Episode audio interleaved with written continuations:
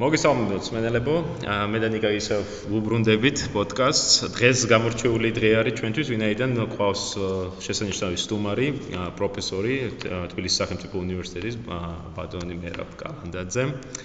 უკვე მრავალი წლის განმავლობაში იკვლევს ბატონი მერაბის ნაპოლეონის ისტორიას, ზოგადად ისტორიას, მაგრამ განსაკუთრებით ნაპოლეონის ისტორიას, არის არაერთი ნაშრომის ავტორი, განსაკუთრებით დიდ ყურადღებას აქცევს აი ნაპოლეონსა და საქართველოსთან მიმართებით და ამიტომ ვფიქრობ რომ თქვენს დაგაინტერესებთ ბატონ ერათან ჩვენი საუბარი. გამარჯობა ბატონ ერა. გამარჯობა. აა პირველ ყოვლისა მინდა გითხოთ აი როგორ გაეცანით ნაპოლეონს თქვენ თავიდანვე? ნაპოლეონი ჩემი დაინტერესება ცხადია შემთხვევითი არ არის. და უპირველეს ყოვლისა განპირობებული არის მამის გავლენით, რომელიცაც საკითხული ჰქონდა ტარლეს ციგნი და ნაპოლეონის დიდი თაყვანისმცემელი იყო. ამიტომ ნაპოლეონის ჩემს გატაცებაზე მამამ დიდი გავლენა მოახდინა, მიუხედავად იმისა, რომ დედა და მამა დაშორებულები იყვნენ და მამა ცალკე ცალკე ოჯახი ჰქონდა, აი ამ გაგებით მამამ ჩემზე ძალიან დიდი გავლენა მოახდინა და აი მე ნელ-ნელა თანდათანობით უკვე სკოლაშივე დავინტერესდი. ანუ აი რა ასაკის იყავით? ნაპოლეონის ცხოვრებით და მოღვაწეობით. ნუ ალბათ ვიქნებოდი ესე მეშვიდე მერვე კლასში, როდესაც ტარლეს წიგნი წავიკითხე, ცხადია ხა ძალიან მომეწონა. და დაინტერესდი ნაპოლეონის მოღვაწეობით და მე ნელ-ნელა ნელ-ნელა დაიწყო ეს. გიგონა თავიდანვე რომ ისტორიკოსი იქნებოდი ნაპოლეონს გაპოვოდი. იცით რა, ხარ მეტყვით ესეც ხა ამაზე დღეს მეცინება და სკოლაში რომ სწავლობდი კლასში ძალიან მინდოდა რაღაცა ნაპოლეონზე დამეწერა.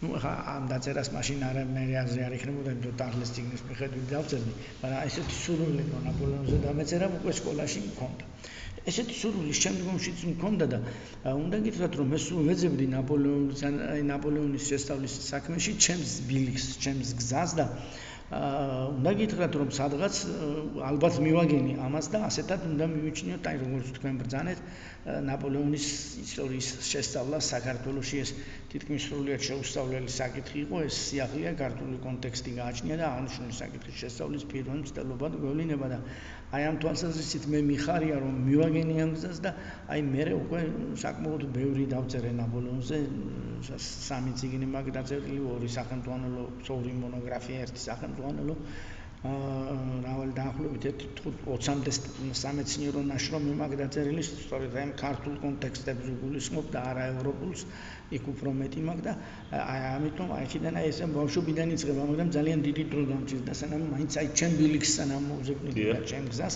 აი მანამდე დიდი დრო დამჭირდა და მე ეხლა მიხარია რომ სადღაც მოვახერხე რომ ჩემი გზა მომეძებნა ჩემი ბილიქი და კიდევ ერთი აი ბავშვობაში ნაპოლეონი ჩემი დაინტერესება მაინც სულ სხვა იყო და უპირატესად მაინც ნაპოლეონის სამხედრო წარმატებებზე იყო გათვლილი და აი ეხლა ჩემი დაინტერესება შედარებით განსხვავებულია და უფრო ადმინისტრაციულ და გათვლილი უფრო მის აი რეფორმატორულ მოღვაწეობაზეა გათვლილი და მან კარგად თქვა რომ მე ისტორიაში შევალ არა ჩემს მიერ მოგებული 40 დიდი ბრძოლით ვატერლომ ყველა გადაშალა არამედ იმ კანონმდებლობებით რომელიც მე შევქმნიო და მართლაც ეს კანონმდებლობები ძალიან ღირებული და მნიშვნელოვანია და სამწუხაროდ უნდა ითქვას ძალიან დიდი გულის ტკილით მინდა ვთქვა რომ ეს შედარებით ნაკლებადაა შესწავლილი როგორც ჩვენში ისე ჩვენ მეზობელ რუსეთში და ევროპული ისტორიოგრაფია უახლოეს პერიოდში ამ საკითხს განსაკუთრებით დიდ ყურადღებას უთმობს და ეს მისასალმებელია და კარგია რადგან ადრე ძირითადად ნაპოლეონის განდიდება მაინც ხდებოდა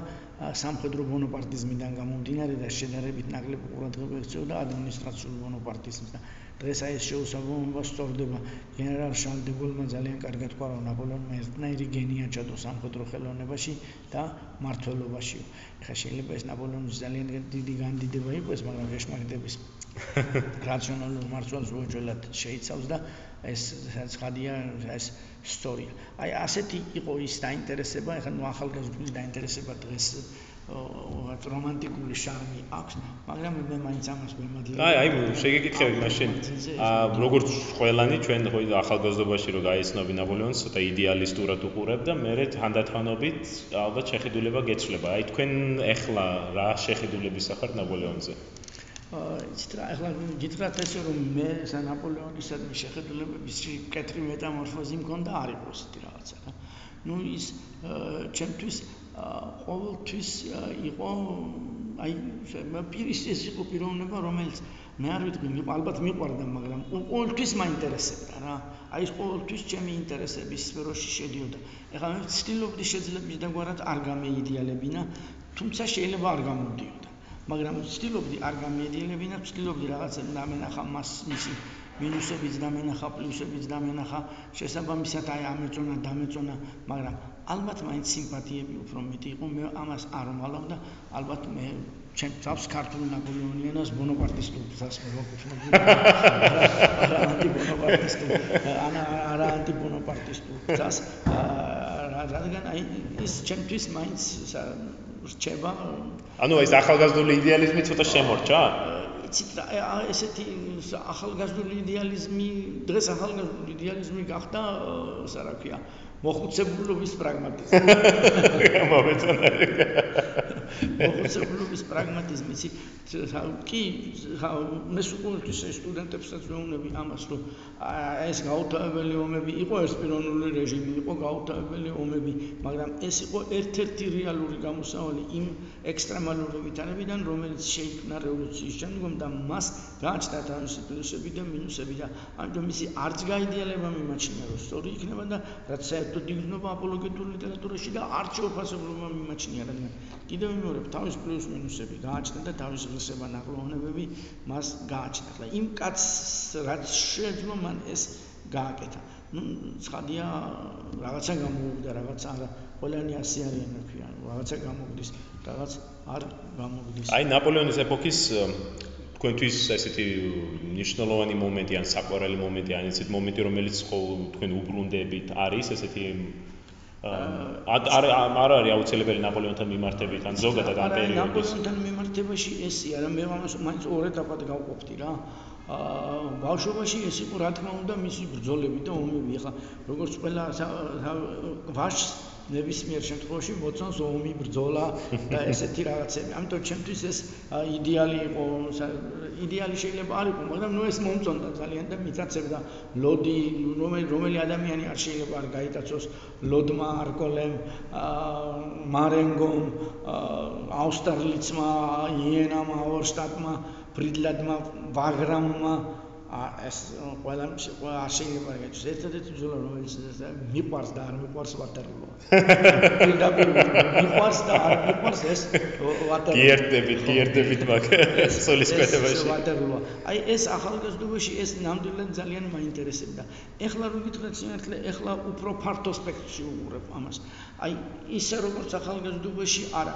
ჩემთვის ძალიან დიდი დაინტერესების საგანი არის პირველი მაგალითად ისტორიკოსები ნაპოლეონზე და ნაპოლეონ ნაპოლეონის ისტორიოგრაფია და ეხა ესეთი სამეცნიერო პოპულარული და წმინდა შემეცნებითი ხასიათის სტატია ისტორიკოსები ნაპოლეონზე დაწერილი მაქვს, რომელიც ქართულ საზოგადოებას პირველ რიგში სტუდენტებს ამ საკითხის შესახებ საერთო წარმოდგენას შეუქმნის და ზოგად წარმოდგენას შეუქმნის. მაინტერესებს ისტორიკოსები ნაპოლეონზე, მაინტერესებს წყაროწოდნობა ნაპოლეონის, რომელიც ქართულ ენაზე გამოდის, აი ქართულ კონტექსტში ესეც მაინტერესებს. და ნუ კიდე ახლა ის ბძოლები ისე ისე მაინტერესებს რა თქმა უნდა მაგრამ აი უფრო მაინტერესებს მისი კანონშემოქმედებითი საქმიანობა მისი მართლობა კიდევ ამბობ რომ მიხედავად იმისა რომ ის ერთპიროვნული მართველი იყო მე ასეთი ამ ტიპის ერთპიროვნული მართლობა აი მონოპარტისტული გოლისტური აი მონოპარტესა და დეგოლის შორის ძალიან დიდი მსგავსება და 1799 წლის კონსტიტუცია ძალიან გავს 1958 წლის დეგოლის კონსტიტუციას აი ეს ესეთი ერთპიროვნული მართლობა მომწონს და მიმაჩნია რომ ნაპოლეონი ერთპიროვნული მართველი იყო და ის პროგრესული ცეზარიზმის ერთ-ერთ თვალსაჩინო წარმოადგენლად უნდა მივიჩნიოთ.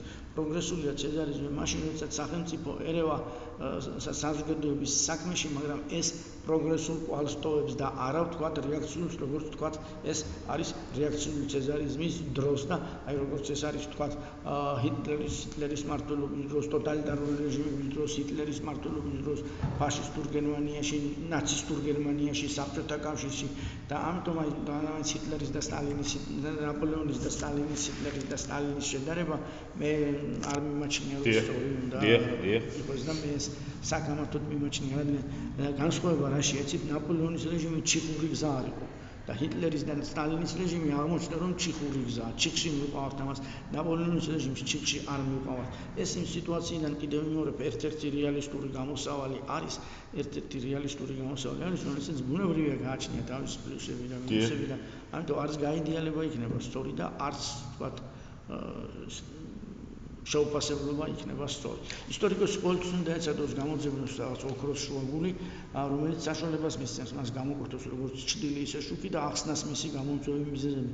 მაგრამ სამწუხაროდ ეს ყოველთვის ასე არ ხდება, რადგან მაინც სუბიექტი სუბიექტური ან ობიექტური განწყობილება მაინც სიმპათია, ანტიპათია მაინც მაინც დაგძლევს და მე ყოველთვის ვცდილობ რომ ეს ოქროს შუაგული გამომძებნო, თუმცა უნდა აღიარო რომ ნაპოლეონის სიმპათიები ალბათ მაინც ალბათ მაინც რჩება. აა თქვენ ახლანდელ მოღვაწეობაზე რას ვეტყვით ან რაზე მუშაობთ ამჟამად? ეხლა მე მაგალითად აი მე ასე მომფიცი და ალეკონ სწორედ მკითხა და მე ყოველთვის ერთ-ერთი ესე დიდი სურვილი მქონდა ერთ-ერთი ესე დიდი რომ ნაპოლეონზე რაღაცა დამეწერა რა. ნუ ხა თავიდან ეს გითხარით ბავშვური სურვილი იყო რა. აა ბავშვური სურვილი იყო, მქონდა ერთი რომ ნაპოლეონზე რაღაც დამეწერა და მქონდა ერთი რომ ნაპოლეონზე რაღაც აი ლექცია ლექციები წამეკითხა. ეხლა ამ წუთში უნდა გითხრათ ორივე სურვილი მაქსიმალურად დაკმაყოფილი. მაქსიმალურად დაკმაყოფილი. რამდენი ხანი ასწავლით შეგვახსენეთ? უნივერსიტეტში ვასწავლი, უნივერსიტეტში მარტო უნივერსიტეტში 28 წელიწადია ვასწავლი და ამ 28 წლის მანძილზე მე შემიძლია გითხრათ რომ აი ეს მაქსიმალურად მეკითხა მაგურზე მაქსიმალურად რაც არის შესაძლებლობები ამ ხრივ მაქსიმალურად დაკმაყოფილი მაგ რაც შეიძლება წერას. ეხლა თავიდან აი ეს ბავშვი იყო, მე კიდე მინდოდა რაღაც ეს სურვილი რო რაღაცა ნაპოლეონზე დამეწერა, ყოველთვის მქონდა. აა ეხლა საკუთრივ ნაპოლეონზე დამეწერა, ხედავდი რომ ეს ცოტა ძნელი იყო.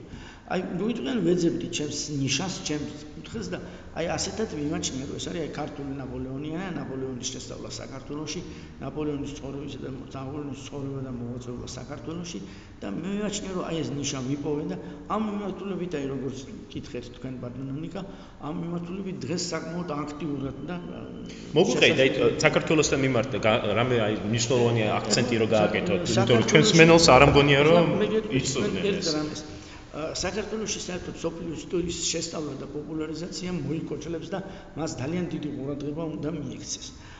და ეს მიმაჩნია რომ ქართული ისტორიოგრაფიის ერთ-ერთი გადაუდებელი ამოცანა მე ხას უსვამ განსაკუთრებით პოპულარიზაციას, რადგან ქართულ ენაზე არსებული ლიტერატურა არის ძალიან მწირი. და აი ამ ამის შევსება მე მიმაჩნია რომ აუცილებელი არის როგორც საფრანგეთის ისტორიაზე ისე სხვა ქვეყნების ისტორიაზე.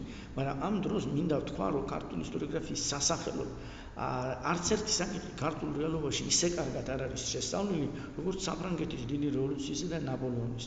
თქვენ შეიძლება გაგიკვირდეთ მაგრამ ეს საკითხები საქართველოში ძალიან კარგად არის შესწავლილი ეხლა მე აშორს ვარ ამ ამის აპოლოგეტური შეფასებისაგან ან განკითხვისაგან, მაგრამ ის რო შესწავლილი არის შეძლების დაგვარად, შესაძლებლობების ფარგლებში, იმ სირთულეებით, რომელიც დაკავშირებული იყო საფრთა პერიოდთან და რაღაცა, ეს ყველაფერი მაინც შესწავლილი არის და მე მიმაჩნია, რომ ეს ძალიან კარგია.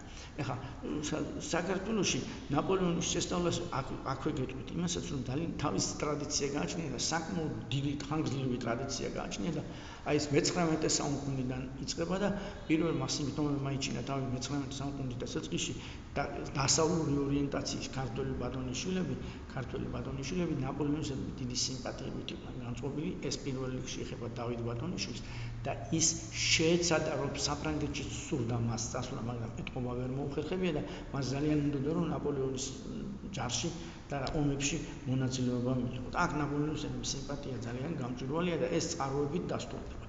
მეორე ესეთი მნიშვნელოვანი მომენტი, რომელიც არის საქართველოს ნაპოლეონის დაინტერესების, ეს მომენტი არის 1832 წლის შეთქმულება. ამ შეთქმულების მონაწილეები ძალიან კარგად იცნობენ ევროპის ისტორიას და მათ შორის ნაპოლეონის მოღვაწეობასაც და მას ხშირად იშველიებენ არგუმენტად თავის დაცვის, თავის გამართლების მიზნით და აქ ძალიან კარგად ჩანს, რომ ისინი ევროპის ისტორიის პერიპეტიებში ძალიან კარგად არიან ჩახედულება. მე-19 საუკუნის პირველ ნახევარში ნაპოლეონის მოუწებით დაინტერესების მწვერვალად კულმინაციად ნიკოლოზ ბარათაშვილის ლექსი ნაპოლეონი და ალექსანდრ რუბენელის პატარა, მაგრამ ძალიან შინაარსიანი წერილი ნაპოლეონი და მაშინდელი ანგლიის მთავრობა უნდა მივიჩნიათ. ორივე ნაპოლეონის ისტორიაში საკმაოდ ჩახედული ჩანს. ჩახედული ჩანს. ეხლა ჩვენთვის ძალიან ძნელია ამ ნაწარმოების სპეციფიკიდან გამომდინარე ძნელია ვთქვა რა წყაროებს ეყრდნობოდა მაგრამ ფაქტია რომ მას ინფორმაცია ნაპოლეონის შესახებ ჰქონდა და ის ნაპოლეონის ისტორიაში ჩახედული იყო.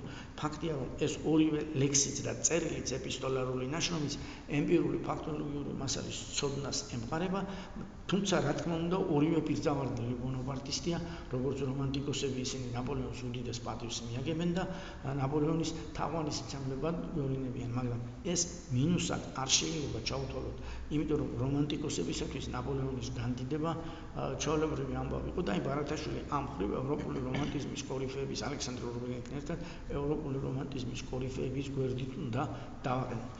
მეორე ასეთი მნიშვნელოვანი მიჯნა ნაპოლეონის საქართველოსში დაინტერესების ეს არის 60-იანი წლები და ის უკავშირდება ქართულ თერგდალეულებს რომელსაც საქართველოს ისტორიაში და საქართველოს გამოვიძებაში უდიდესი წვლილი მიუძღვით. პირველ რიგში ეს არის ნიკო ნიკოლაძე, ეს არის დათა მიხელაძე და სხვები და სხვები. განსაკუთრებით უნდა გამოვყოთ ნიკო ნიკოლაძე, ის იყო ევროპული დონის მოაზროვნე, ევროპული მეცნიერი, არაჩვეულებრივად შესანიშნავი მცოდნის დასავლეთ ევროპის ისტორიის. მას სპეციალურად ნაპოლეონზე არა დაწერილი, მაგრამ თავის ეპისტოლარულ მემკვიდრეობაში ის ეხება ნაპოლეონის მოღვაწეობას და განსაკუთრებით ხაზი უნდა გაუსვათ იმას, რომ მას ძალიან კარგად გაცნობიერებული ნაპოლეონის ომების ორმაგი მისია, დაპყრობითი და სოციალური ასპექტები, რომ მიუხედავად დაპყრობითი ხასიათისა ნაპოლეონის ომებისა, მასში პროგრესული ელემენტი იყო და ნაპოლეონი ევროპაში ავრცელებდა ფრანგულ კანონმდებლობას და ნიკო ნიკოლაძე წერს, რომ გერმანელები მან გადააჩია ძველ უწესო ცხოვრებას და იქ ახალი ნორმალურ ცხოვრებას შეაცვია და ახალი ფრანგული კანონები და დაამყარა. აი ეს ორი მომენტი, რა სოციალური ასპექტების გაცნობიერება და მის კანონმდებლობაზე აქცენტირება 60-იანების პირველ რიგში ნიკო ნიკოლაძის და საერთოდ 60-იანების შეხედულების პოზიტიურ მხარედ მიგვაჩნია. გარდა ნიკოლაძისა დიდ დაინტერესებას იჩენდა გიორგი წერეთელი მის მოღვაწეობის მიმართ და სხვები კიდე ასევე დიდ დაინტერესებას იჩენდნენ ნაპოლეონის მოღვაწეობის მიმართ. უნდა ვთქვა, რომ საქართველოში მაინც დომინირებს ბონაპარტისტული მიმდინარეობა და უმეტესი ქართველი ადამიანი ისტორიკოსების, მწერლების, მხატვრების, პოეტების, მეცნიერების უპირატესად ბონაპარტისტები არიან და ძალიან იშვიათია ანტიბონაპარტისტული ფრთა. ძალიან იშვიათია. მე დიდი ხნის განმავლობაში ვერ მივაყოლია და აი ბოლო წლებში მივაყოლია ამას. ამას და პირველ რიგში ამ ანტიბონაპარტისტული ფრთის წარმომადგენლად მიგვაჩნია ნიკო ურბრელი, რომელიც ნაპოლეონისადმი მაინც და მაინც კეთილი განწყობილი არ ჩანს. და მეორე ჩემი ფრთხილი ვარაუდით ასევე ანტიბონაპარტისტულ ფრთას მიეკუთვნება ვარლამ ჩერქეზიშვილი, იმიტომ რომ ის ანარქისტი იყო და ამიტომ მისთვის ნაპოლეონის და მისი იმპერიაც მიუღებელი იყო. მაგრამ აი ეს ძალიან იშვიათია, ეხლა თუ მაგალითად რუსული ანტიბონაპარტისტული ფრთა წარმოადგენელი არის ესეთი კორიფეებით, როგორც არის ტოლსტოი, გოგოლი და სხვები, აქ საქართველოში ასეთი ტენდენცია არ შეინიშნება. უფრო ძლიერი არის ბონაპარტისტული ფრთა. აი ასე ჩვენ მოვდივართ 1918 წლამდე და აი აქ მნიშვნელოვანი მიჯნა ჩანს 1918 წელი, განსაკუთრებით საყურადღებო არის 1918 წელს გამოცემული ახალი ისტორიის პირველი ეროვნული სასკოლო სახელმძღვანელოები, სადაც ბუნებრივია ნაპოლეონის მოძებნებას დიდი ადგილი ეთმობა. ეს არის უზნაძის და გველესიანის ახალი ისტორიის სახელმძღვანელო, სიმონ ავალიანის ახალი ისტორიის სახელმძღვანელო, ჯუმბურიძის ახალი ისტორიის სახელმძღვანელო, წერეთელის ახალი ისტორიის სახელმძღვანელო თარგმნილი არის აგრეთვე აკადემიკოს ერსლავესის ახალი ისტორიის სახელმძღვანელო, რომელიც ცხადია ფრანგული პოზიციიდან არის დაწერილი. თავიდანვე ახლა ფრანგულ და ერსლავესის სახელმძღვანელოს და ფრანგულ სახელმძღვანელოს, ну იქ ბუნებრივია ნაპოლეონის ფრანგული დამოკიდებული ვარი, მაგრამ ოთხივე სახელმძღვანელო, უზნაძის სახელმძღვანელოს, ოთხივე სახელმძღვანელოში ნაპოლეონის მოღვაწეობის განხილვას დიდი ყურადღება ეთმობა. ისინი საქმეში საკმაოდ ჩახედული არიან, რაც ემპირიული ფაქტოლოგიური მასალის ცოდნას ემყარება და ეს მათი მსჯელობის პლუსი არის. მთელ რიგ საკითხებს ისინი ძალიან კარსწორად, ობიექტურად აფასებენ, თუმცა ზოგიერთი საკითხის შემდგომი სრულყოფა დახვეწა ჩვენი აზრით გამორიცხული არ უნდა იყოს. მაგრამ თავარი არის ის, რომ ისინი ამ ეპოქის ისტორიაში ჩახედული არიან. კიდევ ერთი მომენტი რომელიც მომეწონა შეიძლება ყველა ავტორი არა მაგრამ აი მაგალითად უზნაძე და გველესიანი თავის წინში ძალიან დიდ ყურადღებას უთმობენ ნაპოლეონის კანონ შემოქმედებით საქმიანობას რაც მე ამ თემაზე მათი მსჯელობის დავარ პლუსად მიმაჩნია. ეხლა საინტერესო არის ის რომ 1918 წელს სახელმწიფო გამოცემულ სახელმწიფოში ნაპოლეონის მოღვაწეობის შესწავლა იღებს სამეცნიერო პოპულარულ ხასიათს რაც იმდროინდელი ქართული ისტორიოგრაფიის ფონზე სერიოზულ ძინგანად ნაბიჯს წარმოადგენს თვისებრივი ხარისხობრივი სიახლე იყო და ამის საყრობა გვერდისავლა როგორც ეს საბჭოთა პერიოდში ხდებოდა რა თქმა უნდა სწორი არ უნდა აა სწორი არ უნდა იყოს. ამიტომ 1918-1921 წლებში საქართველოს გამოცემულმა ამ სახელმწიფოებმა სახელმწიფოებმა თავისი წვლილი შეიტანა და შეეცადა შეძლების დაგვარად წინ წაეწია საქართველოში სოფლიო ისტორიის სწავლება შესწავლა და პოპულარიზაცია ამ კითხვაში მე შესწავლას და პოპულარიზაციას ერთად ვიტყოდი რადგან მაინც მეცნიერული კვლევა მაინც რა თქმა უნდა ძალიან ძნელია და პოპულარიზაცია არის და ჩვენ პოპულარიზაციის საქმეში როგორც თქვით საფრანგეთის დიდი რევოლუციისა და ნაპოლეონის პოპულარიზაციის საქმეში ძალიან დიდი წარმატებები გვაქვს. შემდგომ ყველაზე რთული პერიოდი ცხადია საბჭოთა პერიოდი არის, რადგან საბჭოთა პერიოდში იყო მარქსისტული იდეოლოგიის ძალიან დიდი მონოპოლია და და დიდი გავლენა იყო და ეს ნაპოლეონის ცხოვრებისა და მოღვაწეობის შესწავლას აა მაინც რაღაცნაირად ხელს უშლიდა და ეს აისახა თვით ისეთ დიდ ისტორიკოსთანაც კი როგორც ევგენი ტარლე იყო. რამდენიც ხა მე არ არ ძნელი არ ამე ტარლე საერთოდ უსაყვედურო მაგრამ მაინც სტალინის გავლენა და სტალინის წნეხი და ზეწოლა ტარლეს წინზე მაინც იყო მიუხედავად იმისა რომ მას უამრავი პლუსები უამრავი პლუსები გააჩნია. ის რადაციას ვერ აცდა მაგრამ აი საქართველოსში მაინც საბჭოთა პერიოდში ცოტა რაღაცა სწორად გაკეთდა და ამის სახურება სწორი არ იქნებოდა. ახლა ამის ვარყოფითად შეფასება მარქსისტული стереოტიპებისა და სტამპების გამო ადვილი გზიციარული იქნებოდა და ჰიპერკრიტიკულად მივაჩნია. აქ რისი თქმას ვაპირებთ ჩვენ. ეხა ემპირიის, ფაქტოლოგიის, წყაროთმცოდნეობის დონეზე პროგრესი ნამდვილად არის. ნამდვილად არის. და ამის გვერდისავლა სწორი არის, მაგრამ კონცეპტუალურად რა თქმა უნდა არა, იმიტომ რომ შენ იძულებული ხარ ანგარიში გაუწიო მარქსისტული იდეოლოგიის მონოპოლიას. აი ამ ხრი პირველი სერიოზული ნაბიჯი ნაპოლეონის ცხოვრების შესწავლის და პოპულარიზაციის ძაზე საბჭოთა პერიოდში გრიგოლ ნათაძის სახელთან ასოცირდება და მან რამდენიმე ნაშრომი დაწერა ნაპოლეონის ცხოვრებისა და მოღვაწეობის შესახებ. ეხლა ეს ნაშრომი ჩემს მონოგრაფიაში დასავლეთ ევროპის ისტორიის შესწავლა საქართველოს მეოცე საუკუნის პირველ ნახევარში დეტალურად არის განხილული და მე მხოლოდ ძირითად მომენტს ვიტყვი. აა როგორია ნათაძის დამოკიდებულება ნაპოლეონის მიმართ. ერთი შეხედვით შეიძლება მოგეჩვენოს, რომ ეს მარქსისტულია, მაგრამ ეს ზედაპირული იქნება. მისი დამოკიდებულება მარქსისტული არ არის. ნაპოლეონისადმი მისი დამოკიდებულება საინტერესოა და მასში აა ჩვენ ვხედავთ მისი ესერული წარსულისა და მარქსისტული მოსამსის კვეთას. აი მისი ესერული შეხედულებები და მარქსიზმი ერთმანეთთან შეხების შეხებაში მოვიდნენ, რადგან მათ შორის ძალიან ბევრი მსგავსება და ამიტომ ისინი შეხებაში მოვიდნენ და ერთმანეთს კვეთდნენ. და გიგო ნათაძე ეკონომიური მატერიალიზმის პოზიციებიდან ცდილობს მარქსიზმისაკენ ევოლუციას და აი ამ სოციოლოგიური კუთხით სურს მას გააშუქოს ნაპოლეონის ცხოვრების და მოძრაობა და მოღვაწეობა და მისი ჟელობის წინამდებობრივი ხასიათი ამით აიხსნება.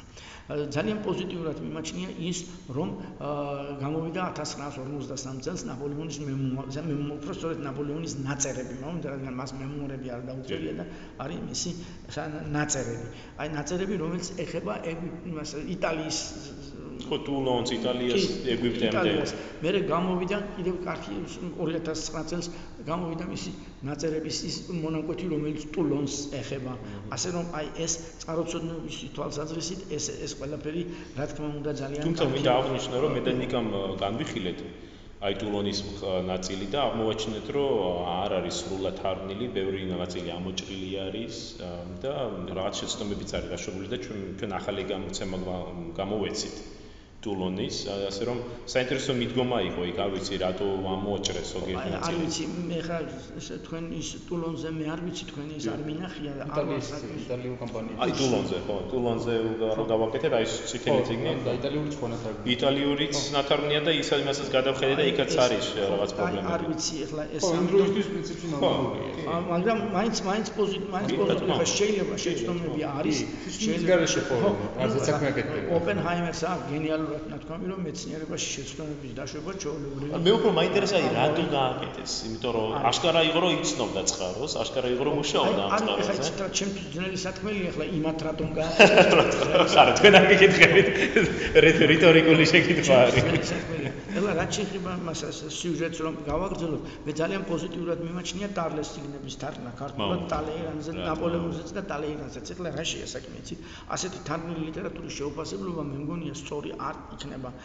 მე მგონია სწორი არ იქნება რადგან ქართულად ნაპოლეონის შესახებ მაინც მიხედავად იმისა რომ ძალიან კარგად არის შესწავლილი მაინც წირი ლიტერატურა მომეყობა და ეს აი ამ ლიტერატურის გამდიდრების ერთ-ერთი საუკეთესო საშუალებაა და მე ვიტყოდი რომ აი ამ თარგმნილი ესე თარგმნილი ლიტერატურა უფრო მეტიც უნდა იყოს და მე მაგალითად ძალიან გულიმწრება რომ თავის დროზე მაგალითად არავის არ უფიქრია იმაზე რომ ეთარგმნა ჯორჯ ლეფევრის შედევრი ნაპოლეონზე რომელიც 35 წელს გამოვიდა. პიტერ ჰეილის ციგნი ნაპოლეონზე რომელიც შედევრი შემდგომ გვიან გამოვიდა. აი ხა ბოლო ხანებში ჟან ჯულარის ციგნი თარგმნეს და მე ვიმაჩნია რომ ძალიან კარგია. ნუ ეხლა იქაც არის ხა არის პოზიტივიც არის რაღაც საკითხებიც რომელიც უნდა. ვიდაოთ და მეცნიერული დავის საგანი იქნება მაგრამ თავისთავად ეს საკუთრივ ეს ფაქტი ძალიან კარგია. ამ ფონზე მე უნდა ვთქვა აუცილებლად არაერთხელ არ მინიშნავს რომ განსაკუთრებით იმეულად მიგვაჩნია რომ ქართულად არ არის მანფრედის ციგნი თარგმნილი ნაპოლეონზე. იყო ამისი მცდელობა მანფრედის ციგნი რო თარგმნათ მე ჩემი სტუდენტობის და ასპირანტობის წლებში მახსოვს რომ იყო ესეთი ინიციატივა, მაგრამ სამწუხაროდ მაშინ პარტიული ორგანოები დიდად ამით არ დაინტერესდნენ, დიდად ამით არ დაინტერესდნენ და ეს კარგი საქმე განუხორციელებელი დარჩა. და მე ამაზე ძალიან გულიმწდება რომ მანფრედის ციგნი თარგმნილი არის მაგალითად ისეთ პატარა ერების ისეთ კი აქვს პატრიოტი როგორც ესტონეთია, სომხეთია.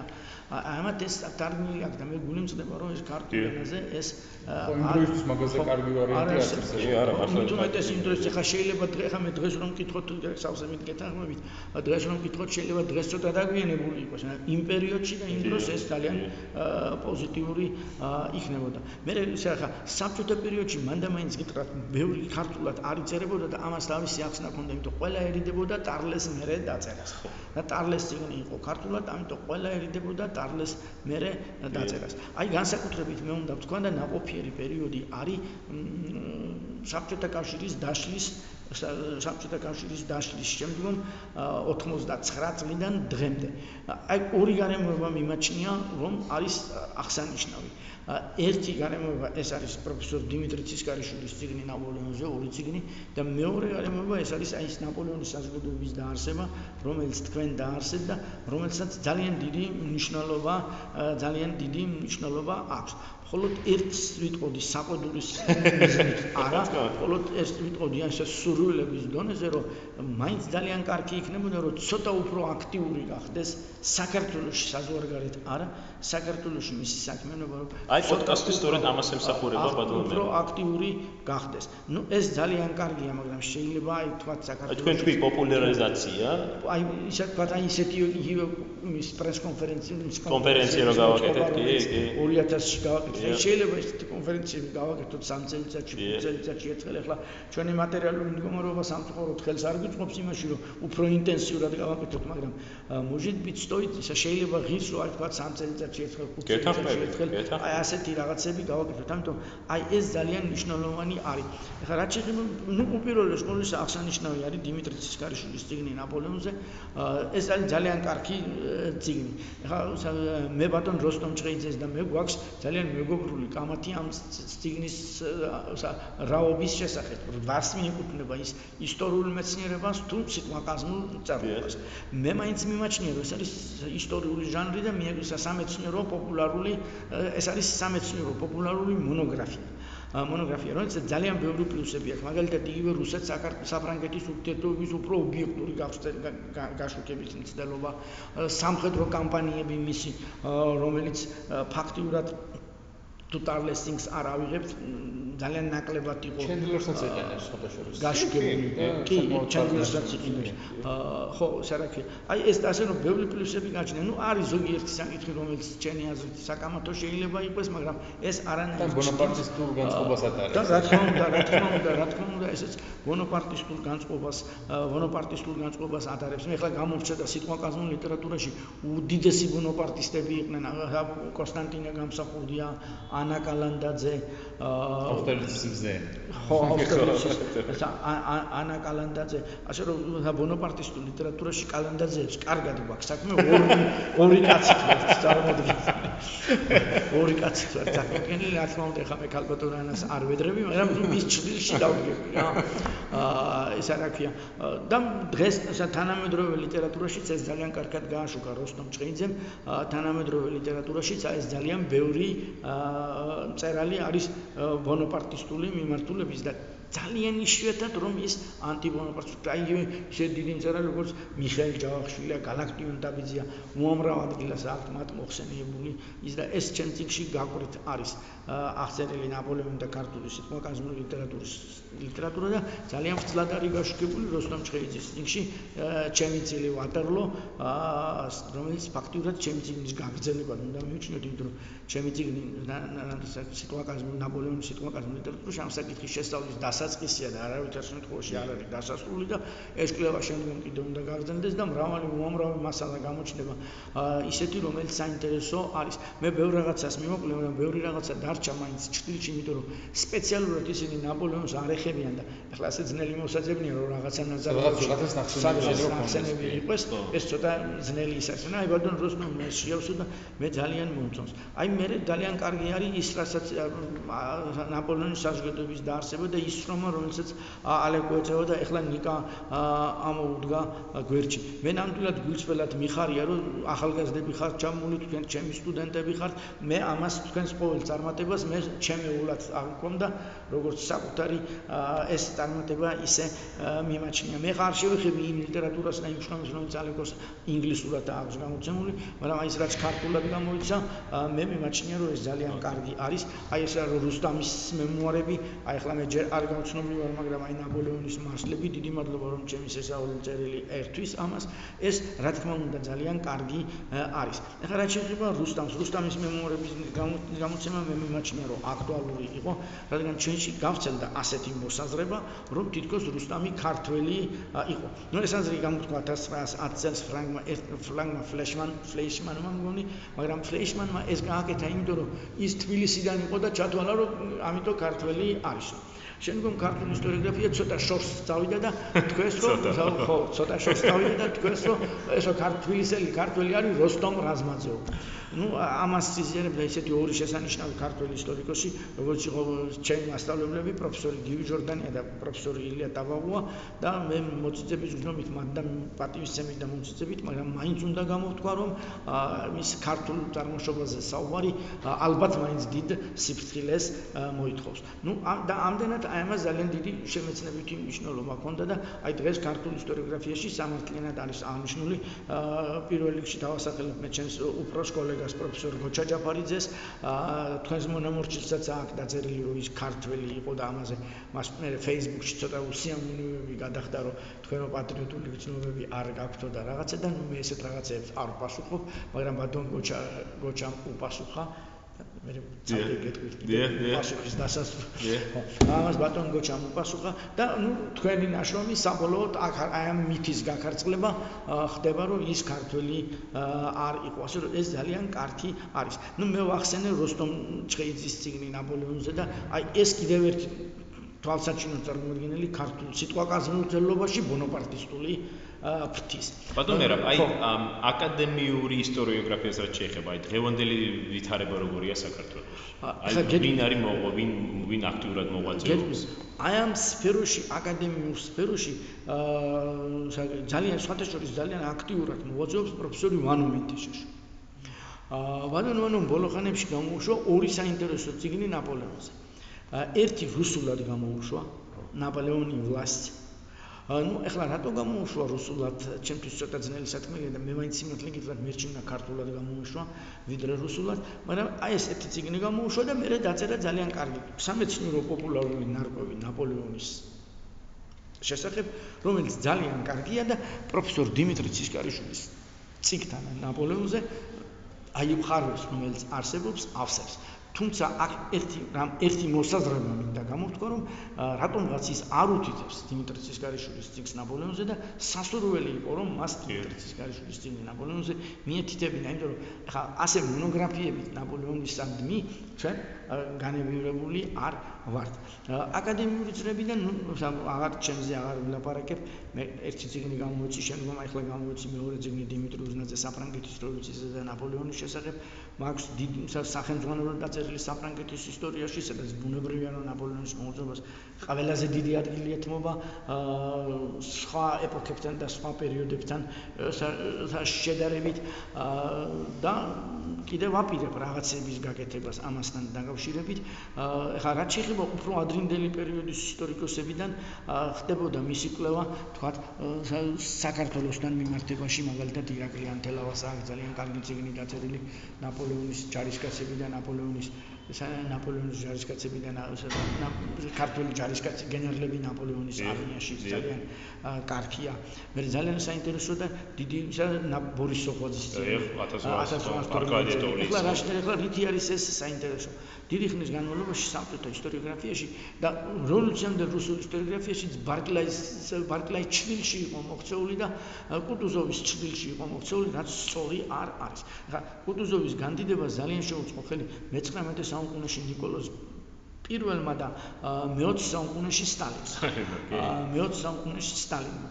ხა ბარტლაის ბარტლაის ბარტლაის გაიდიელება არ იქნება სწორი, მაგრამ საინტერესო ერთი ნიუანსი აღინიშნოს. ბარტლაიზე ძალიან დადებითი აზრის იყო კარლ მარქსი. მარქსის წულებების მე-14 ტომში არის სპეციალური სტატია ბარტლაიზე, სადაც ის ბარტლაიზე ძალიან დადებითად აფასებს. ხა საბჭოთა ისტორიოგრაფია, რომელიც მარქსისტული იყო, ამას რატომ ხაც წაუყოლა. იმიტომ ურაპატრიოტული მოტივებიდან გამომდინარე წაუყროა რადგან ბარკლაის განდიდება არ აძლევდა ბარკლაის რეაბილიტაცია მათ ხელს არ აძლევდა.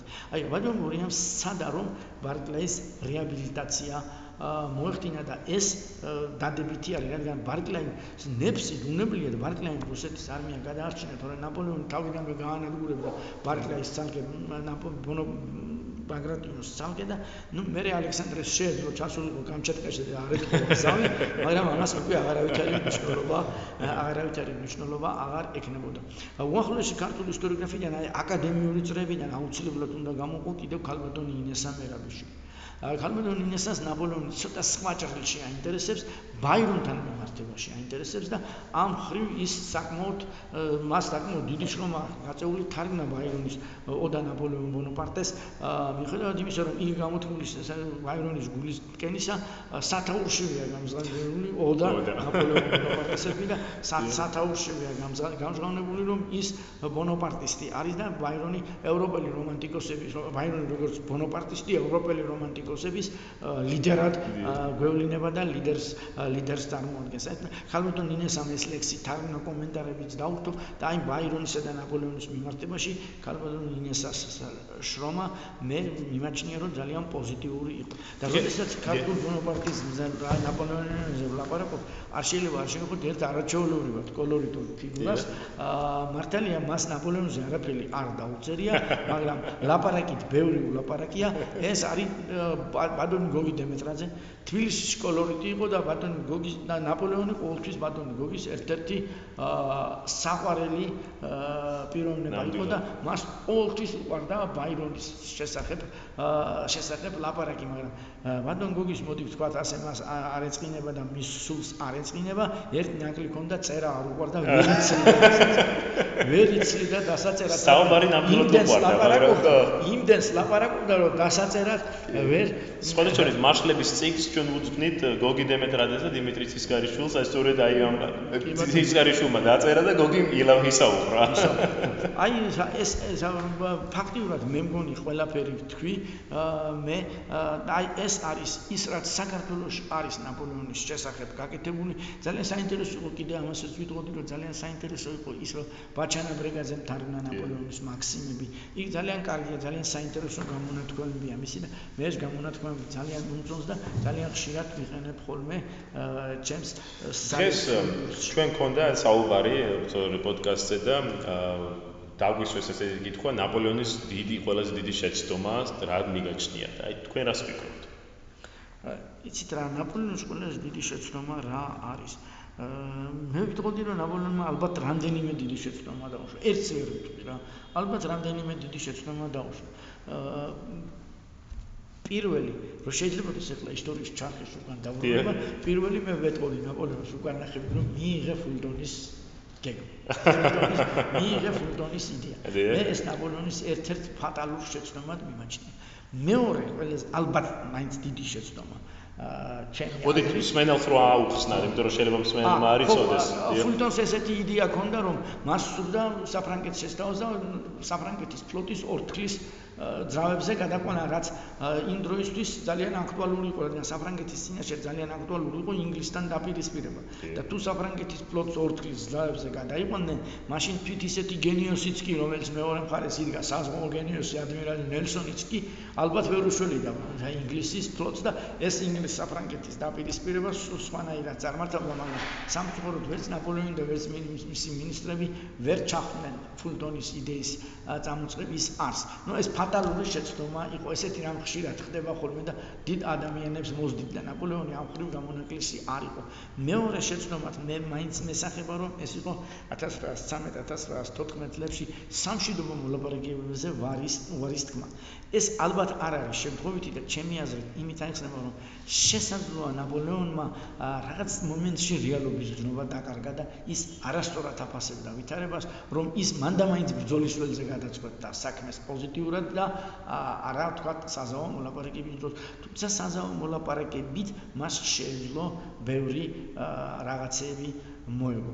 აი ეს ეს ორი შეცდომა შეიძლება ქონდა მას კანცა ძალიან კარგი ნათქვამი, რომ ეს მრავალი დიდი ადამიანი პატიმ მოყარობას თავისასაც დაუღუპავსო და ფიქრობ ნაპოლეონი ერთ-ერთი მათგანი იყო, თუმცა მაინც მე მიმაჩნია როგორც მონოპარტისტი, რომ აქ პლუსები გაცილებით ვიდრე ვიდრე მინუსები. ძალიან დიდი მადლობა ამ საინტერესო საუბრისათვის ბატონო მერო. დაგვიქმეთ თქვენი დრო. თქვენც ძალიან დიდი მადლობა რომ დაინტერესდით ჩემთან საუბრით, ჩაიწერეთ ჩემთან საუბარი. კარგით. კიდევ ერთხელ მადლობა და შეხვედრამდე. არა, всегда готов служить.